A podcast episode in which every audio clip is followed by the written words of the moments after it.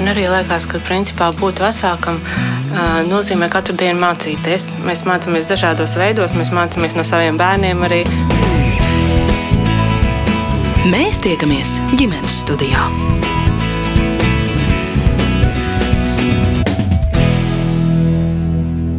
Labdien, un esiet sveicināti! Šodien, kā piekdienās ierasts, dosimies viesos. Šoreiz es Agnese Linka aicinu iepazīties ar Kuksiku ģimeni. Andris un Māja kopīgi audzina četrus bērnus - Kati, Kristiānu, Miku un Kurtu. Tētis vairāk strādā, mamma vairāk laika velta mājai un ģimenei, bet visi kopā viņi pagājušajā rudenī rada iespēju realizēt ilgāku laiku briedušu sapni pārzīmot siltajās zemēs. Kā viņiem tas izdevās un kādu pieredzi ģimene guva astoņus mēnešus dzīvojot Spānijai piederošajā Tenerifes salā. Kā dažāda vecuma bērniem veicās skolā ar spāņu mācību valodu un ar kādām sajūtām viņi šai pavasarī atgriezās Latvijā. Par to visu šai sarunā, to kā Allaž sākam ar iepazīšanos.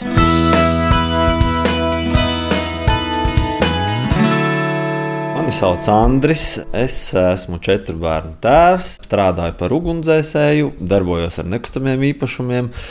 Nodarbojos ar sportu, man patīk spēlēt basīti, futbolu, volejbolu. Es uh, agri jau pametu, kā saka, ģimenes likteņu savos jaunības gados. Un viens no variantiem, strādājot tādus gadījumu darbus, bija aicinājums iestāties ugunsdzēsējos.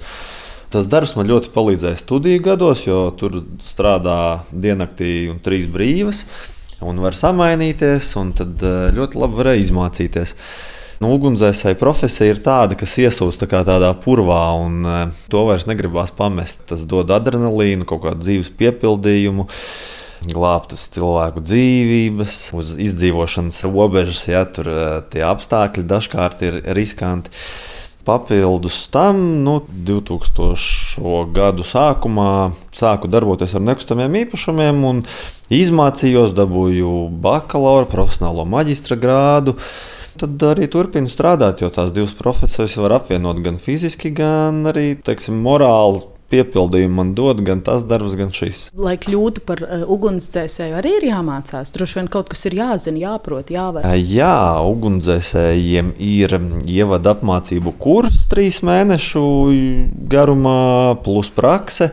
Ja jūs gribat strādāt par uh, virsnieku, tad jāmācās trīs gadi ugunsdrošības un civilās aizsardzības koledžā. To es esmu arī gandrīz pabeidzis. Šobrīd strādāju par vada komandieri, atlicis pēdējais eksāmens. Nu, kā. Par tēti visu kaut ko jau uzzinājām, kurš nākamais. Tad mamma, jā, visi bērni rāda ar pirkstiem uz, mammu, ka mammai jārunā nākamajai. Mani sauc Māja.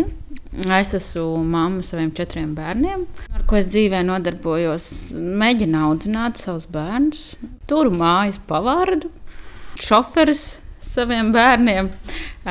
Jo jāizvadā uz skolu, prom atpakaļ, visi pulciņi un tādas lietas. Tas ir arī viss, ko es pa lielam daru.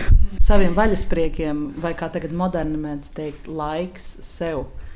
Tāds arī atliek. Man patīk gatavot ēst. Un tad es pamēģinu kaut ko jaunu vai kaut ko tādu.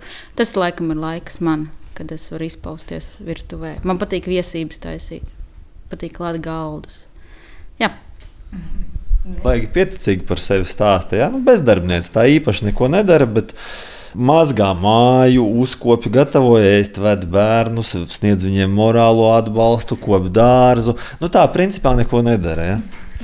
Tādas tās mammas ir pieticīgas pašas par sevi. Jā. Kā sauc tevi?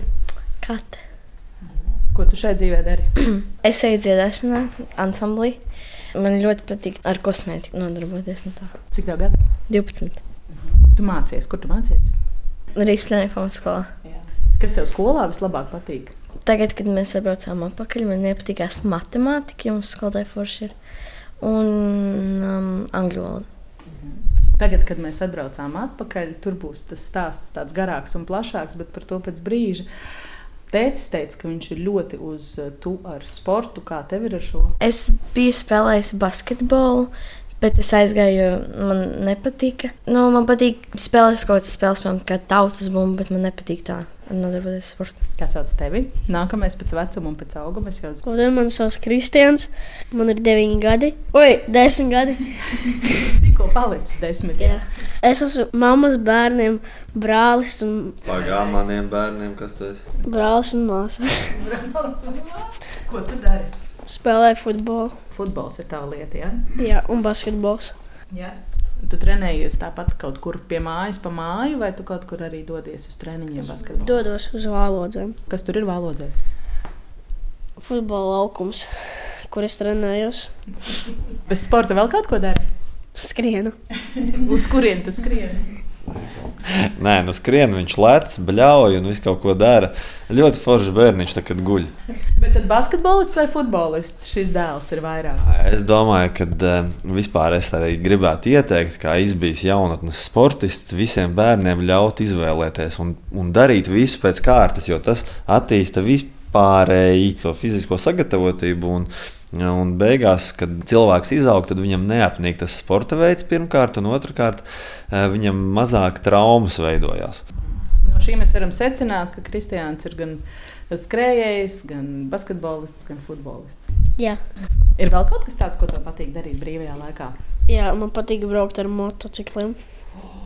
Braukt ar motocikliem? Jā. Kur tu tiec pie braukšanas ar motocikliem?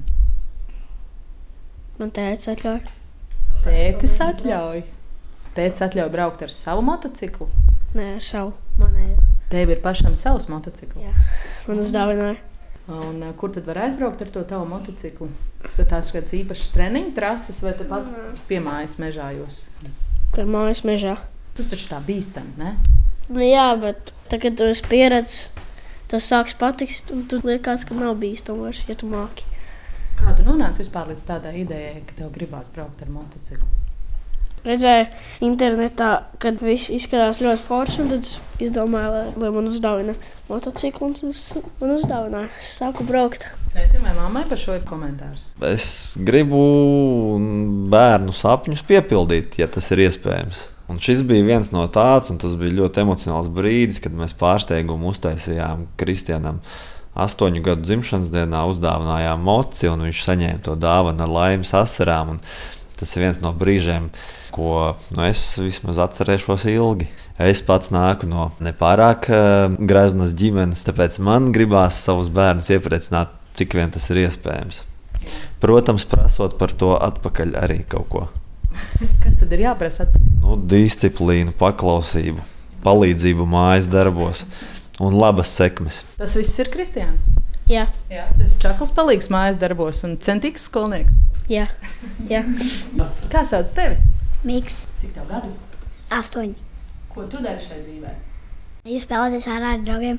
Tu droši vien arī mācies skolā. Jā, Kas tev skolā vislabāk patīk un padodas? nezinu. Vai tu kaut ko dari arī ārpus skolas? Futbolu ne uz treniņiem. Tu trenējies futbolā, jā? Jā, Tāpat kā Kristiāns. jā. Tāpēc, ka pašam gribās, vai tāpēc, ka brālis trenējas? Es nezinu. Māma ar tēti liek. Mamma ar tēti liek. Kāpēc tad mamma ar tēti liek? Kā nu, jāsporto, ir, ir, lai būtu aktīvs. Tas jau pats par sevi saprotams, man liekas. Kad ir kaut kas jādara, aktīvs. Bet vispār viņš gāja šaha pulciņā. Viņš mums tāds vairāk ir domātājs. Bet, nu, ilgs mūžs mums nebija, bet es domāju, ka patikās. Jā, vienmēr jau pastāv iespēja, ja tu esi kaut ko forši iemācījies, vienmēr pastāv iespēja arī atgriezties Jā, ne? jā. pie tās Jā. spēles, prasmju izkopšanas. Jā. Un klusiņām un gluži nevilšus. Ir atnests no dienas, atmodies un mūsu sarunai pievienojies trešais brālītis un ceturtais bērns ģimenē. Kurš pastāstīs par šo smaidīgo būtni? Kurts pirms gandrīz mēneša nosvinēja savu pirmo gadiņu. Ir aktīvs bēbis, ir prasīgs bēbis, kā mēs viņu saucam, vai bēbis, boss vai priekšnieks. Tāds narciss mūsu, mūsu ģimenē, man liekas, tāds visu laiku, visi apkārt viņam. Viņš tikai parāda ar pirkstiņu, un visi jau uzreiz, ko vajag kurtiņam, un šo un to. Ja tev jautātu, kāds ir kurts, ko tu teiktu? Mīļš, traks. nu, piemēram, ja viņš pamostas no rīta, viņš ir ļoti mīļš un viņš nāk samīļoties. Bet tad, kad viņam nāk uznāk miegs, tad viņš ir pilnīgi cits cilvēks. kā mēs visi, vai ne? Viņš ļoti ātri rāpo. Ļoti ātri. Mākslinieks iedot pieci, iemācījām viņu. Tā kā viņa, mēs ejam ārā, viņš arī grib iet ārā, bet mamma viņam neļauj. Tāpēc viņš apsēžās pie durvīm un sāk bļaut. Viņam gribās iet un skriet ar jums, ar Niku kopā? Tad, kad jūs satikāties un sapratāt, ka jūs būsiet kopā, vai jums nāca prātā doma, ka jūs būsiet četru bērnu ģimene, četru bērnu vecāki? Noteikti nē. Noteikti nē. Mēs vēl īstenībā nesen ar Andriu savā starpā to runājām, kad kaut kad, nezinu, bērnībā vai jaun, jaunības gados bija iedoma, ka varētu būt daudz bērnu ģimene. No, noteikti nē. Man bija tas priekšstats, nu, man ir mā, arī māsa.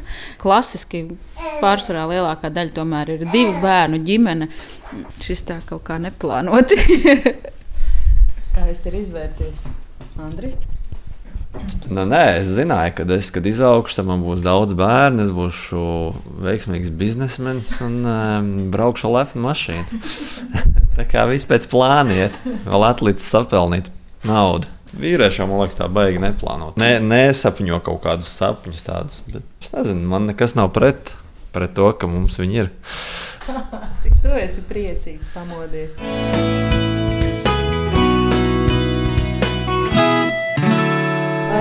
Jūsu bērni zina to, ka Latvijas Rādio viens ir tāda interesanta vieta un jā. zīmīga vieta jūsu ģimenes vēsturē. Katra tu saki, jā, vai jā. tu vari izstāstīt, vai tu zini, par ko es runāju? Tad Agnese uzaicināja vecākus uz rādio, un kamēr viņi tur runāja, tētis bildināja mammu. Īstenībā nevis Agnese uzaicināja, bet citi mani kolēģi bija ielūguši Andri un Maiju, toreiz vēl neprecējušos uz raidījumu. Par to, vai ir svarīgi precēties. Tad tieši Latvijas radio viens ēterā arī izskanēja šis bildinājums. Mums cik ilgi laika tas bija? Kaut kādi gadiņi daži. Man liekas, 2014. gadā tas bija decembrī, um, 7. Man liekas, man bija iepriekšējā dienā dzimšanas diena. Mm -hmm. Kaut kā tuvu pie manas dzimšanas dienas bija ļoti. Kāds ir atmiņas par to brīdi?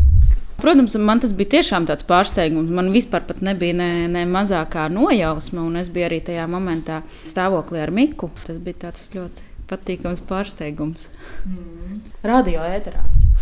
Nu, man vispār tādi, kā saka, nepatīk standarta, klišejiskas tādas uh, rīcības. Man patīk kaut ko oriģinālu izdomāt, un man patīk pārsteigt arī sev tuvos cilvēkus. Es domāju, ka Maijai vispār nav garlaicīgi ar mani dzīvojot. Tas bija vienkārši tāds dabisks kaut kāds gājiens. Tur arī sakrita, principā, paldies ģimenes studijai, kad uh, bija tieši tā uzruna, jo man tā doma jau par to bildināšanu varbūt kaut kādu laiku ganījās galvā, bet uh, ģimenes studija iedeva tādu uh, impulsu, un redz, tā tur viss smuki arī sanāca.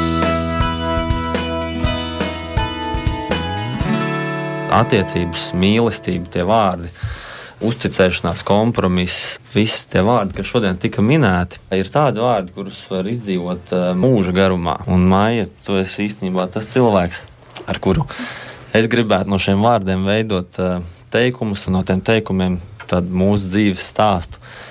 Un uh, tieši šodien tāpēc.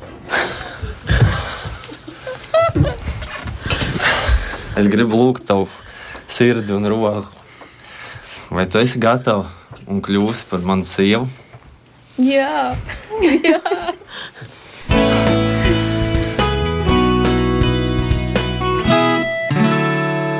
Tenerifes stāsts arī nebija pārsteigums no tēta puses.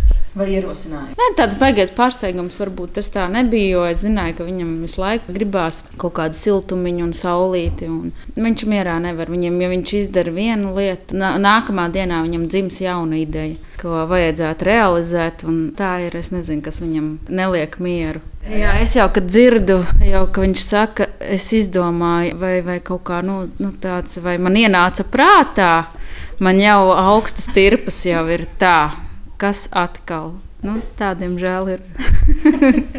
nu, bet vismaz nav garlaicīgi. Nē, gar, garlaicīgi noteikti. Es par to nevaru sūdzēties. Nē, nē, nē. Lai arī citi saprastu, kāds ir stāsts par Tenerifi, tātad eh, jūs nesen esat atgriezušies no tādas diezgan ilgas prombūtnes.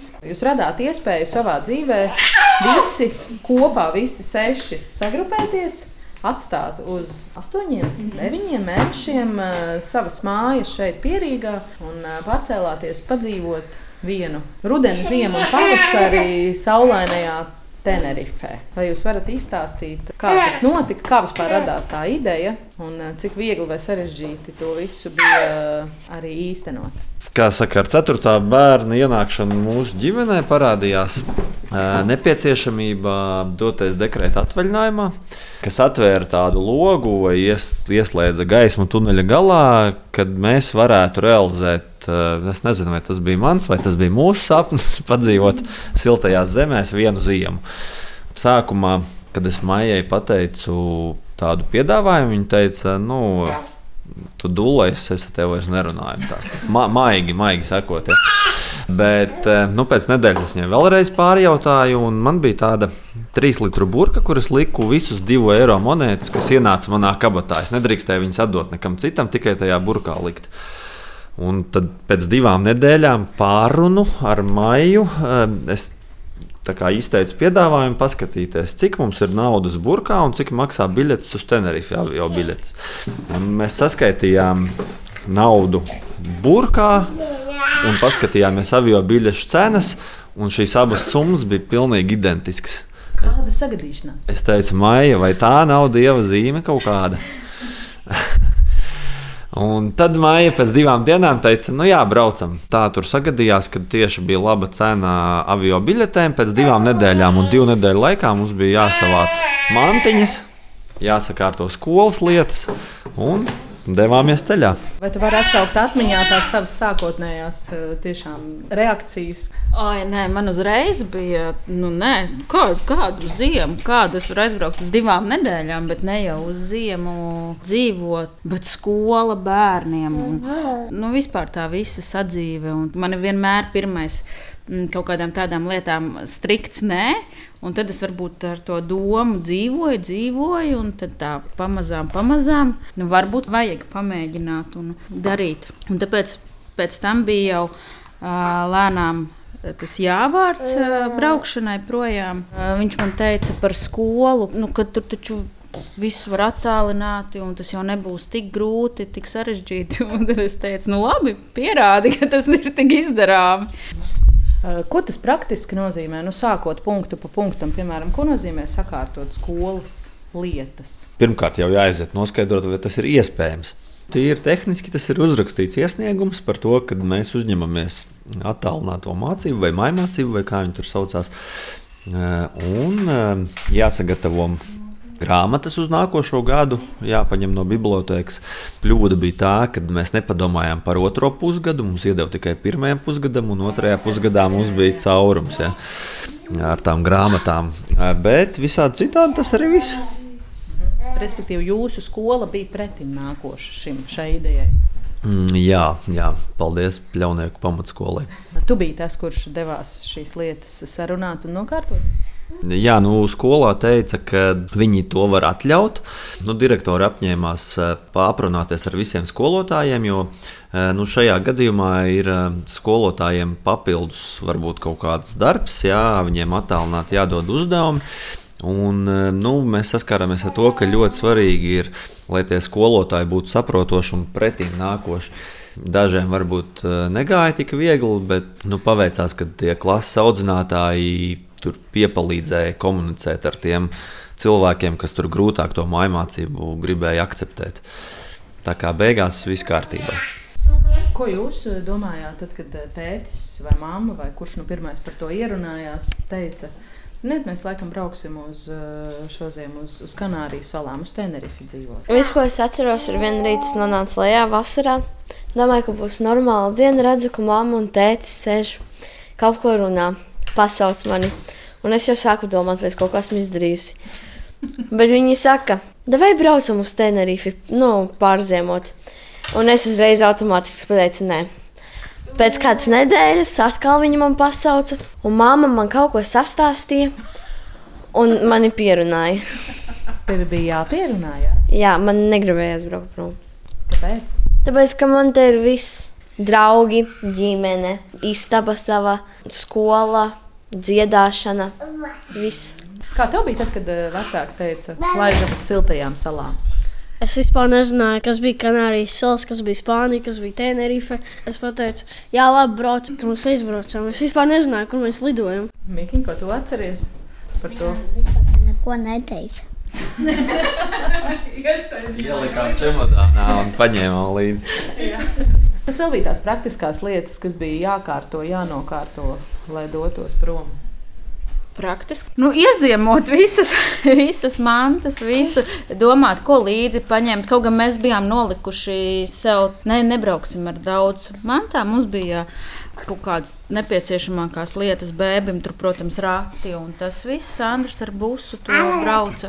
Lidmašīnā mums bija mantas, katram rokas bagāžas somu, mugursomu, līdzi visi mācību līdzekļi. Un tas arī viss tāds. Uzdevums bija minimālisma stilā visu darīt, šortiņš, čībiņas, tiekrekls un, un saules brilles. Bet nu, beigās tāpat tās puses buses mums bija piekrāmēts. Mums bija jāizplāno arī tas ceļojums, jo tur ir 4000 km jābrauc pa sauszemi un divas diennaktis ar prāmi. Protams, ar bērniem tas ceļš nav iespējams mērot, bet eh, tāpēc ģimene lidoja lidmašīnu. Mans uzdevums bija nokļūt pirms tam, lai viņus sagaidītu tur lidostā. Šķirojot mantas, daudz nodevām labdarībā, tādas, kas nelietojās, daudz kas tika izmests, un tas bija ļoti veselīgi. Cik viegli vai grūti tas ir tā? Tagad sakārtosim visas mākslas, paņemsim katru vienu mugursomu, vēl tētim līdzi, tik cik ietilpst vienā mikroautobusā un, un, un dodamies. Nu, es domāju, ka diezgan viegli. Nu, mēs jau saprotam, mēs taču nebraucam uz kādu nekurienē, kur nekā nebūs, kur nekā nav. Un vēl mēs arī zinājām, ka mēs būsim mazā telpā, ka mēs nevaram atļauties nemaz tik daudz ņemt tās mantas iesākumā līdzi.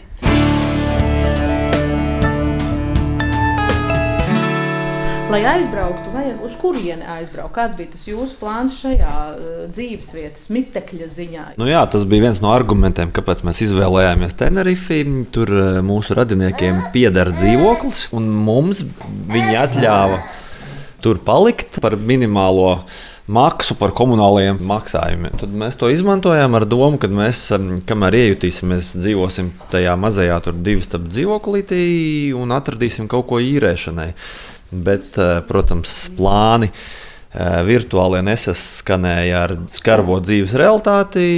un Tur iestājoties skolā, mums radās papildus tādi lieli izdevumi, kas mums liedza atrast eh, piemērotāku, lielāku mājokli. Tad mēs em, kaut kā mēģinājām sarīvēties divu stāvu dzīvokli līdz sešratā. Kā tas izdevās, kā tas bija? Crazy. Latvijas sakot, traki. Ja? Jā, tagad, nezinu, man liekas, ka mums ir milzīga māja. Es no Atgriežoties mājās, Jā, Latvijā. tieši tā. Esmu priecīga, ka man beidzot pašai sava istaba ir. Pirms tam, ko tu teici par šo māju, tu teici, ka tu gribi pārvākties uz citu māju. Kristiāna, kā tu atceries to sadzīvošanu daudz, daudz uh, mazākā mājvietā? Oh, bija ļoti grūti. Kate tik ilgi gāja uz tas pat man bija jāiet uz baseinu. Mazgāties! Jā, Uz baseina toleti, laikam. jā. kaimiņi dzird visu, ko mēs tur bļaustamies. Nu, Tad jums bija jāmācās labāk uzvesties. Ja? jā, tur ļoti grūti ir. Nē, nu, nē, nebija jau tik briesmīgi. Mēs tagad sakām, izklausās, ka mēs dzīvojam, nezinu, kastē kaut kādā. Bet bija ļoti smuki. Bet nu, vienīgais tas, ka kaimiņus ļoti labi varēja dzirdēt. Bet nu, bija ok. Jā, bija kaut kā piemirsies, kā ir dzīvot dzīvoklī.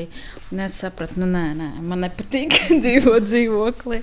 Tas risinājums bija tāds, ka redz, mums kurts bija ar ratiem, un tad es vairāk biju atkarīga no Andrija, jo tur tie rati jānes ir pa trepēm. Tas komplekss nebija piemērots zīdainim tā īsti. Grūtāk bija tajos momentos, tad, kad bija brīvlaiks bērniem vai kaut kādas brīvās dienas, jo viņiem tur Spānijā ir diezgan daudz brīvās dienas. Patīk svinēt svētkus. Tad tomēr mēs tā seši visi um, kopā. Tad intensīvāk jādomā, kur kaut ko darīt, braukt ārā. Bet pa dienu bērni bija skolā, un vakarā jau mēs gājām katru dienu uz saulrietu. Tad arī to telpu nejūti tā, un atnākot mājās, jāiet gulēt. Mēs tiekamies ģimenes studijā. Šodien ģimenes studijā tiekamies ar Kuksiku ģimeni no Pierīgas. Andris un Māja audzina četrus bērnus, un visi kopā pagājušajā rudenī devās piedzīvojumā pārlaist ziemu siltajās zemēs, precīzāk Spānijai piederošajā Tenerifes salā. Ar pieredzēto viņi dalās šai sarunā, to atsākot jautāja bērniem, kādas ir viņu jaukākās atmiņas par astoņiem mēnešiem prombūtnē.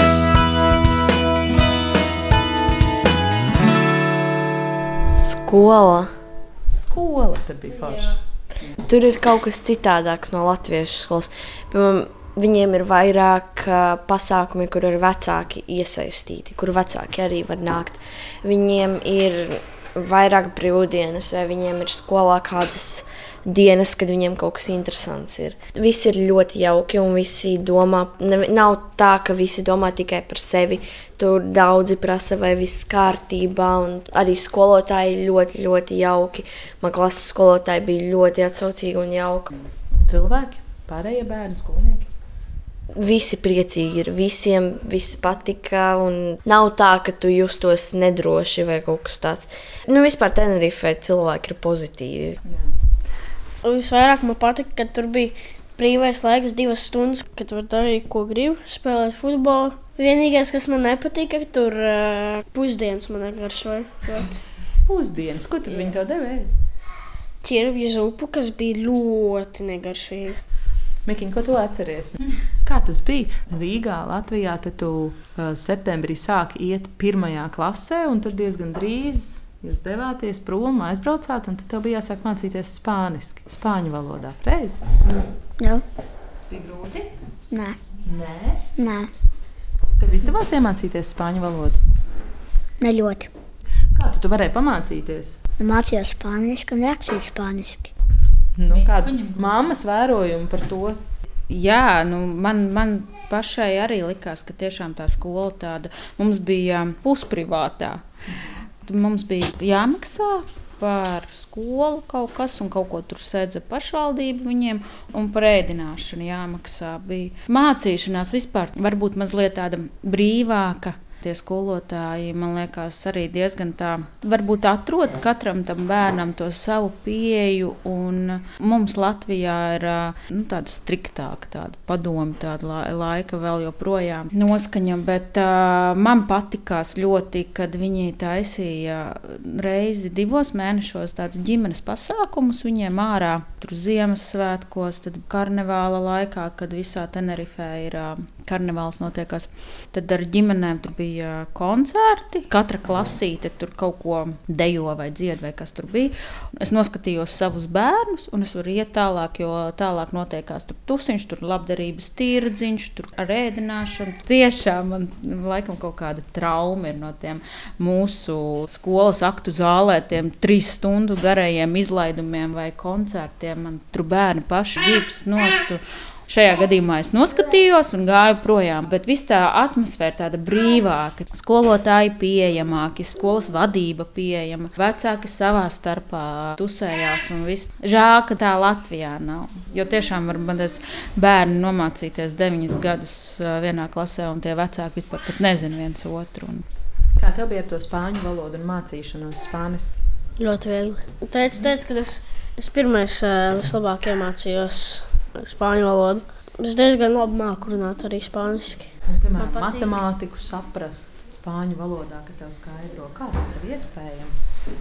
Nu, tas bija bijis grūtāk, tāpēc, ka Latvijā es gāju trešajā klasē, bet Spānijā ceturtajā. Spānijā mācījos pa tūkstošiem, bet trešajā vēl ne šeit Latvijā. Bet tagad es mācīšos pa tūkstošiem. Nu, tā jau tu esi soli priekšā visiem plus vēl valodu apgūs. Jā. Jā. Kā bija katra mācīties spāņu valodā? Nu, interesanti. Nu, man, piemēram, labāk padevās angļu valoda. Bet nu, visi skolotāji mācīja stundas kā parasti, bet, piemēram, pēc tam viņi pienāk man klāt un paskaidro man. Tad sanāk, es gaisu tā kā, kā sastajā klasē Spānijā. Man liekas, ka tas bija līmenī augstāk, tāpēc, ka viņiem bija vēl geogrāfija, bioloģija, viņiem bija matemātika, viņi mācījās nākamā līmeņa algebru. Bet man bija ļoti interesanti, piemēram, matemātikas skolotājs vienmēr gribēja, lai es mācos, un viņš vienmēr prasīja, kāpēc es tur nerakstu, vai es saprotu, viņš visu laiku prasīja. Spāņu valodas skolotāja viņa arī man visu laiku prasīja. Viņa man deva grāmatas, ko es īstenībā varu lasīt, lai man ir par ko stāstīt. Franču valodā nu, es tur vispār neko nemācīju. Bet tā nu, bija labi. Man patika. Kā tu domā, kas ir tavs lielākais gūms no šī mācību gada turēsot? Spāņu valoda. Es tagad saprotu spāņu valodu, un kad es tagad atbraucu uz šejieni, es pastāstīju savām draudzenēm, ka es runāju spāniski. Un man tagad dažas draudzenes māca spāņu valodu. Ah, tas viņas tā kā influencējusi. Ja? Nu, jā, viņa, viņām ir tas duolingo, un viņas tur mācās. Tad, kad mēs sazvanāmies, tad uh, viņa man tur stāsta, un tad viņa man prasa, ko tas un ko tas nozīmē. Un es viņai translētoju. Mm. Māja jau drusku iezīmēja, ka tā ir bijusi pusprivātā skola. Kā jums gāja ar to iekārtošanos visā tajā sistēmā? Tieši bērnu izglītības ziņā? No skolu mēs dabūjām pēc ieteikuma. Tad mēs nedomājot, arī iestājāmies. Bet braucot atpakaļ, es biju runājis ar daudz vairāk cilvēkiem, un īstenībā pašvaldības skolai nebūtu nevainas. Iestāšanās šajā pusprivātajā bija ļoti vienkārša. Bija jāizpilda pieteikumi, jāsamaksā nauda, un bērni varēja sākt mācīties. Tenerife ir tāda vieta, kur um, ļoti starptautiska vide. Tādā ziņā, ka uh, katram no bērniem klasē bija kāds Japāns vai, vai, vai Anglis, vai, vai, vai tur bija Norvēģi, un, un Krievi un Ukrāņi. Tie bērni savā starpā varēja komunicēt angļu valodā. Mūsu ģimenē katra ļoti izbrauca uz angļu valodā runājošiem draugiem. Maksā diezgan padārga. Tāda sistēma, ka maksa par skolu ir 50 eiro, bet par pusdienām jāmaksā vēl 160 eiro. Bet, eh, ja tu neizvēlēsies pusdienas dot bērnam, tad tev tur trīs vai četras reizes dienā jābrauc uz skolu, viņu izņemt un savākt pārsteidza mazliet mācību materiālu iegādes cena. Tur uh, mēs pa visiem bērniem samaksājām kaut kādu 1400 eiro. Plus mēs vēl katē nenopirkām portatīvo datoru. Bet visādā citādā ziņā man liekas, ka izglītība diezgan progresīva. Skolā strādā daudz jaunu cilvēku, atšķirībā no Latvijas. Latvijā es mazāk to redzu. Profesija skolotājs ir ļoti pieprasīta un labi apmaksāta. To varēja arī just eh, tajos eh, skolu pasākumu kaut kādos laikos, eh, par to attieksmi pret vecākiem, to komunikāciju starp skolu un vecākiem. Jā. Runājot ar vietējiem latviešiem, kas tur jau dzīvo gadiem, kas mācās pašvaldības bezmaksas skolā, nu, nekādas problēmas tur arī nav konstatētas. Līdz ar to, ja tagad es brauktu otrais, tad mēs noteikti ietu bezmaksas pašvaldības skolā. Jums bija tāda iecerē, ka aizbraucot uz Tenerife, ziemot bērni turpina mācīties attālināti arī šejienes Latvijas skolā. Kā jums ar to veicās? Cik tas bija viegli vai grūti? Mācīties divās skolās vienlaikus, iet uz skolu tur klātienē un tad nākt mājās un pildīt eh, Latvijas skolā uzdotos uzdevumus. Nu, kad tev saka, izklausās traki, bet spāņu skolā es nedarīju mājas darbus, jo viņus nesapratu un es nezināju, ko darīt. Tādēļ sanāca, kad es atnācu no spāņu skolas un izmācījos latviešu skolā kā mājas darbu. Bet uh, man nebija grūti, tāpēc ka man skolotājs ļoti palīdzēja. Māma arī apsēdās un tēvs palīdzēja. Man nu, nebija grūti. Izklausās, ka bija nenormāli grūti, bet nu, nebija. Šeit es iejaukšos, ka pirmie trīs mēneši tomēr bija grūti, jo sveša kultūra un valodas barjera. Un papildus vēl tie latviešu skolas uzdevumi, plus tas mazais dzīvoklis, kas uzliek spiedienu.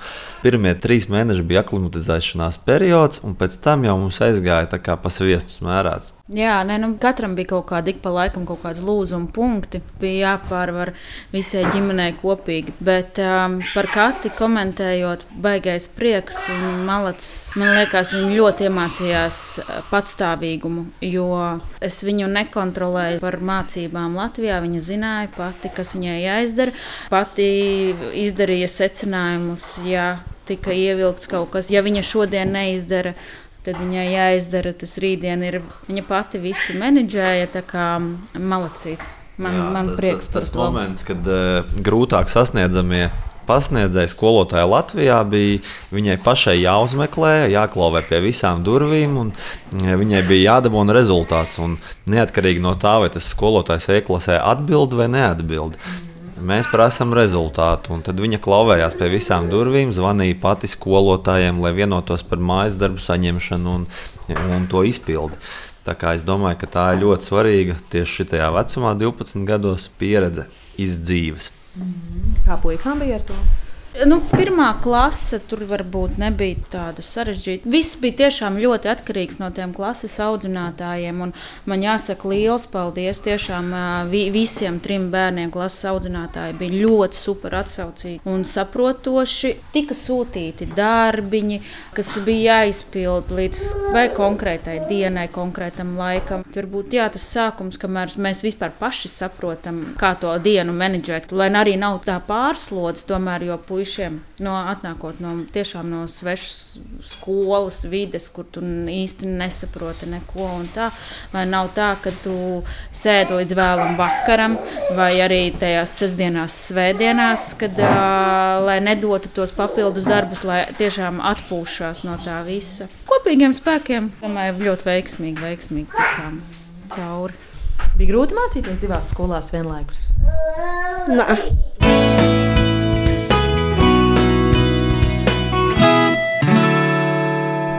Klavandrs pieminēja vienā brīdī arī citu kultūru, un es gribu pavaicāt, cik lielā mērā jums izdevās iepazīt to citu kultūru, Tenerifi un turieniešus, arī nodibināt varbūt kādus kontaktus vai attiecības? Man būtu interesanti paprasīt bērniem, ko viņi atcerās no tā visa, ko mēs esam piedzīvojuši astoņu mēnešu garumā. Gan jau, kad pusi kaut kur ir aizpeldējusi jau, bet Kopumā mēs caur bērniem, caur to, ka viņu klases biedri bija ieaicinājuši uz dzimšanas dienām, iepazināmies ar dažiem vecākiem. Man bija arī kontakts ar vietējo basketbola komandu, jo es tur trenējos. Un, um, tur bija vietējie spāņi, un mēs arī iepazināmies ar cilvēkiem, kas no citām Eiropas valstīm tur dzīvo un strādā. Tad mēs arī iepazinām vietējo latviešu komunu mazliet, ja, cilvēkus, kas dzīvo tur vairāk kā desmit gadus. Arī ļoti forši atsaucīgi, bet jāsaka, ka latvieši savā starpā Tenerifē baigi netusējās. Viņi tā kā nedraudzējās. Kaut kāda latviešu mentalitāte izpaužās arī tur. Tas man tā pārsteidza, tas bija interesanti. Bet eh, kopumā es domāju, ka mēs ieguvām kontaktus, kas arī palīdzēja valodu apgūt. Eh, un eh, es domāju, ja mēs tur izdomātu pārcelties dzīvot, tad mums būtu kur vērsties pēc palīdzības. Nu, es, man, mēs aizbraucām, mums bebim bija četri mēneši tikko palikuši septembrī. Andris bija tas, kas visu gāja, tur kārtoja, un, un, un tāpat tās arī veda uz skolu. Un, nu, es teiktu, laikam, jau, nu, kad es tikai tā pa virsmu vien tik tā. Iepazinu, neiedraudzējāmies ar kaut ko. Un arī mums tā dzīves vieta bija tāda turistu vieta vairāk. Un pensionāru, laikam, beļģu izteikti, beļģu pensionāru apdzīvotā vieta. Jā. Forši klases biedri bija viegli bija iedraudzēties vispār. Jā. Mhm. Bet sākumā nerunāja spāniski nemaz. Kā tu varēji saprasties ar viņiem? Viņi vienkārši pienāca pie maniem. Kā sauc tavus draugus? Arijans, Kais, Jonatans, Čensī. Čensī. Kas viņi bija? Man draugi. nu, kā tev bija ar draudzībām? Ļoti labi. Es atnācu. Pirmā diena skolā, un visi jau tur nāca, gribēja runāties, gribēja draudzēties. Tur bija diezgan daudz klasē, kas runāja angliski, bet uh, viņi visi ar mani runāja spāniski. Speciāli, lai es saprastu un pati runātu, sāktu runāt spāniski. Vai arī viņi man prasīja, lai es saku kaut ko spāniski. Bet nu, tā viss tur bija forši. Un uh, es arī biju uz dzimšanas dienas ballītēm. Man tur arī uzrādījās tādas ļoti tuvas draudzenes, ar kurām es varēju runāt par visu kaut ko. Tev arī palika draugi Tenerifē? Jā, visa klase. Visa klase. Uh, jā, man viegli bija iedraudzēties. Jā, bija ļoti viegli iedraudzēties. Sākumā neviens tā kā negāja pie maniem, nerunāja. Tā kā es jau biju kaut kādus vārdus iemācījies, visi nāca ar maniem, draudzējās, gāja spēlēt futbolu, spēlējos ar kārtīm. Un tā es arī iemācījos runāt spāniski. Kad mēs pateicām draugiem vai ģimenei, kad uh, mēs brauksim tur, un tad viss teica, oh, jā, tur bērniem forši, viegli. Bērni kā švammītes uzsūc valodu, būs ātri jums. Tad es varu pateikt, ka tā nav. Grūti gāja ar valodu, grūti. Es nezinu, pēc kādiem trīs mēnešiem varbūt viņa sāka kaut ko, kaut ko jau saprast. Varbūt arī tā skolas vide, par cik tā skola tiešām tāda jā, internacionāla, visi tie skolotāji tādi ļoti atvērti, draudzīgi. Tāpat tās arī katrā klasē bija kāds bērns ar īpašām vajadzībām. Un, un arī tos viņi ļoti integrēja tajā skolas vidē. Un, man liekas, baigi forši, kad mūsu bērni redz, kad, kad ir arī tādi bērni. Tā kā, man liekas, ka Latvijā kaut kā norobežo viņus un tad uh, iet. Uh, pa ielu, un tad mazliet cits vispār nezina, kas tas ir, kāpēc viņš ir tāds. Jā, par to draudzēšanos man liekas, ka viegli nāca tā bērniem tā draudzība. Cik daudz jums sanāca apskatīt arī no pašas Tenerifes eh, salas, pabraukāt apkārt un iepazīt to vietu? Nu, mēs centāmies katru nedēļas nogali kaut kur doties un kaut ko apskatīt. Protams, Man ir tāda sajūta, ka mēs pat pusē neesam ar tiem objektiem, ko mēs varētu redzēt, jo sala ir ļoti dažāda, ļoti interesanta. Daudz kontrastu ir starp ziemeļiem un dienvidiem klintis, pastaigu takas, apskates objekti, dabas objekti. Daudz kas palika neizdarīts, bet būs iemesls atgriezties. Par ekskursijām, kas tev tur patīk vislabāk, ko tu ieteiktu citiem, kas Tenerifē ir jāredz, kas tev atstāja tādu iespēju? Vispār no, no skolas ekskursijām, kas man bija. Mums bija ekskursija uz četrām dienām uz citu salu, un man bija ļoti forši, un man ļoti patika. Mēs uzzinājām daudz ko jaunu. Nu, es redzēju nu, kaut ko citādāk nekā Tenerife. Vispār, tas bija ļoti forši. Bet tas, ko es atcerēšos no Tenerifes, ir visticamāk Teide. Mm -hmm. Tev jāizstāsta tiem, kas nezina, kas tas ir. Teide ir Tenerifes augstākais kalns. Un mans tētis uzkāpa uz tā kalna. Uh, nu jā, Teide ir augstākais ne tikai Tenerifes, bet visas Spānijas augstākais punkts. Tas ir funkcionējošs vulkāns. 3718 metru augstumā. Tādas atpūtas piekartējiem noteikti iesaku uzkāpt augšā mazliet pēc tāda sēra, amonjaka sajaukuma, aktīvi geizeri un tvaiks nāk tāds smirdīgs. Tāpēc daudzi no tā augstumā un tās smakas salikuma nespēja uzkāpt vispār pašā virsotnītē. Nu, man tas izdevās. Es ļoti pateicīgs liktenim par to, ka man bija tāda iespēja.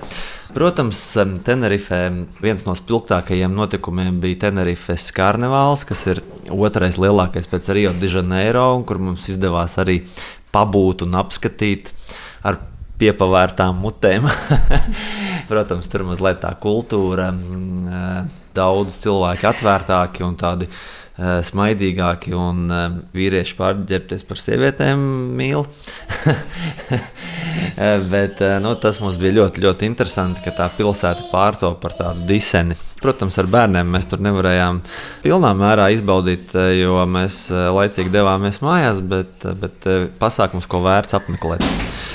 Protams, ziemeļos tur iesakām izbraukāt kalnus un tos zaļos lauru lapu koku mežus. Mēs bijām arī? Eikalipta. Eikalipta, jā. Eikalipta mežā mēs bijām. Tas bija arī ļoti iespaidīgi. Nu, protams, ir arī dienvidos tā turistiskā daļa, kur tāda viena vienīga disene visu laiku. Uh, tur mēs, protams, iztaigājām, bet tas nu, nav tāds ģimenes, ģimenes uh, pasākuma vieta. Protams, arī hikings, hikings man aizrāva dažādas pastaigu takas pa klintīm. Kristians man arī nāca līdzi, vienā arī Mikls gāja. Es domāju, ka bērni arī paskatījās eh, uz pasauli no augšas mazliet. no, nu, ļoti, ļoti kontrastaina, ļoti skaista sala. Peldēšanās okeānā, atklātie baseini, krabīši. Saulrieti. Saulrieti fantastiski. Jā, tagad mēs esam ar māju saulrietu mednieki, varētu teikt. Ja? Forši bija kāpt kalnos ar tēti. Jā, bet ļoti grūti.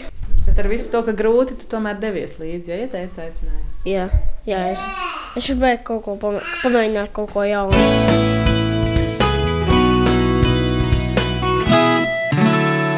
Par atgriešanos, ar kādām domām braucāt māju, kā tas tagad ir būt atpakaļ savā vietā, savā mājā. Mēs ilgi nebijām, nu, ne, ne, ne, nepirkām biļetes, meklējām, jā, meklējām kaut kādu izdevīgāku cenu. Tādu beigās mēs nopirkām kaut kādā 11. aprīlī. Un tad, kad jau viņas bija nopirktas, tad, jā, tad jau man jau bija skaidrs, ka man gribās atpakaļ. Un, un, un atlidojot, es tajā nākamajā rītā pieķēru sev pie domas, ka es nejūtos, ka es būtu bijusi ļoti ilgi projām.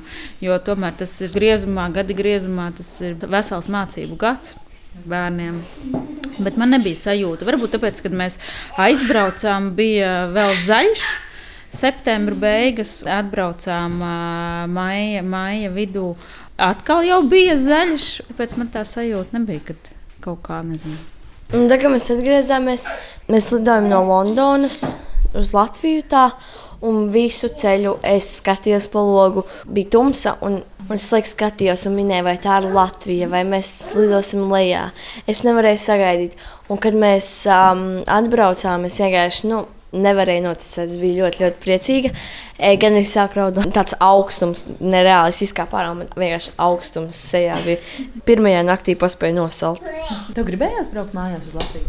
Jā, tāpēc, ka tur bija labāk. Nu, šeit. Ir labāk kā saulainajā Kanāriju salā. Jā, tāpēc, ka Kanārijas salās ir tikai saule, bet šeit ir ziema, sniegs, šeit ir ūdens. Bet tajā tikai gandrīz viens laikapstākļus. viens, viens gada laiks, jā. Bet toties forši, tu cēlies katru rītu. Un principā tu jau zini, ka katru dienu ir saule. Un saulīte silti. Tas man liekas, tā forši atkal ir. Nu, godīgi sakot, man pietrūka sniegs, un man pietrūka lietus. Viņiem vienu reizi bija tikai lietus, un tā kā kārtīgi nolija. Tieši tā. Bet man pietrūka tas viss. Es nezinu, kāpēc man vienkārši patīk. Tev gribējās mājās? Ļoti. Jā, Jā tāpēc, ka es gribēju ļoti sniegu. Man, man bija pārāk karsti vienkārši. Labi, nākamā ziema paskatīsimies, cik jūs būsiet priecīgi par sniegu, kad jums būs jātīra mājās. Kas ir varbūt tie vēl tādi praktiskie ikdienas izaicinājumi, ar kuriem jūs tur saskārāties? Jā, nu ļoti, ļoti liela problēma ir spāņu valodas nezināšana. Priekš manis es aizbraucu ar nulli, ar nulli. Vispār es nezināju, ko nozīmē olā sveicina, sasveicināšanās vārds. Bet uh, visur ejot, jo nu, skaidrs, ka mums vajadzēja bērniem medicīnu kaut kādu nodrošināt. Kristianam bija vīrusu, svēdera vīrusu, tad mums viņam tur bija baigās sāpes, vajadzēja uz slimnīcu braukt. Nekur neviens tā kā baigi īpaši valsts iestādēs atsakās runāt. Un tur, kur ir kaut kādas um, rezidentu atļaujas saņemšanas, tur policijā jāiet. Tur ir jau uzrakstīts pie ieejas, ka, ja jūs nemākat runāt spāniski, tad lūdzu nāciet ar tulku. Tātad papīru lietas kaut kādas, ja, kas notiek, vai, piemēram, man vajadzēja bankas kontu atvērt.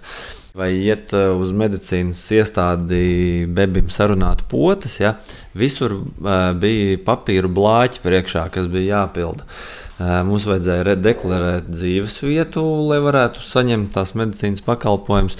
Tur atkal bija šie papīra blāķi un spāņu valoda. Paldies vietējiem latviešiem, kas tur palīdzēja un atnāca līdzi tur tajos um, iestādēs. Bet uh, nu, birokrātija baigā. Pie tam Spānija, man liekas, nu, vismaz Tenerife ir nu, tāda mazliet tehnoloģiski atpalikusi. Nu, viņiem nav iespējas benzīna tankos norēķināties, neieejot veikalā. Tur staigā cilvēki un kontrolē, lai tu nenozagtu degvielu. Ja. Viņi printē katru papīru ko vien var un ko nevar. Viņu visu izdrukā, pēc tam tos papīrus met ārā. Salīdzinot ar Latviju, jau digitālā realitāte ir šeit. Tad Spānijā ir akmens laikmets. Nu, tādas mazliet lietas, ar ko ikdienā vajadzēja saskarties. Protams, ikdienā komunikācija veikalā, kafejnīcā, nu, tās tādas pašas par sevi saprotamas lietas, lai gan turistiskā ziņā, turistu vietās, tur angļu valoda ir attīstīta labi. Viņi uz turistu strādā maksimāli.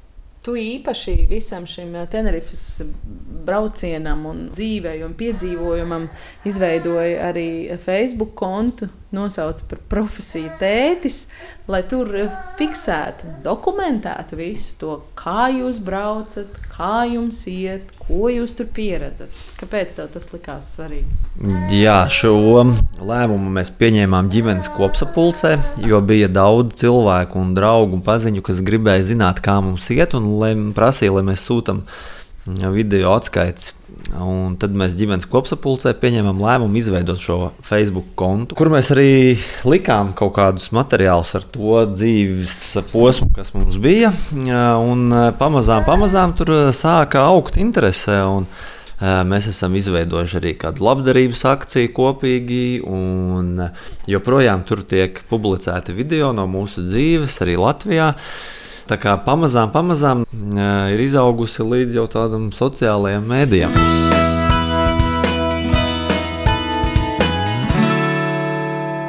Šodien ģimenes studijā iepazināmies ar Kuksiku ģimeni, ar Andri Māju, Kati, Kristiānu Miku un drusciņu arī Kurtu sarunājos es Agnese Linka. Radījuma tapšanā palīdzēja arī Nora Mitspapa un Sarmīta Kolāte. Paldies jums, ja klausījāties un atgādināšu, ka viss ģimenes studijas saturs klausāms arī Latvijas radio mobilajā lietotnē, arī visās populārākajās podkāstu vietnēs un sekojiet ģimenes studijai arī mūsu sociālos tīklos uz sadzirdēšanos ģimenes studija.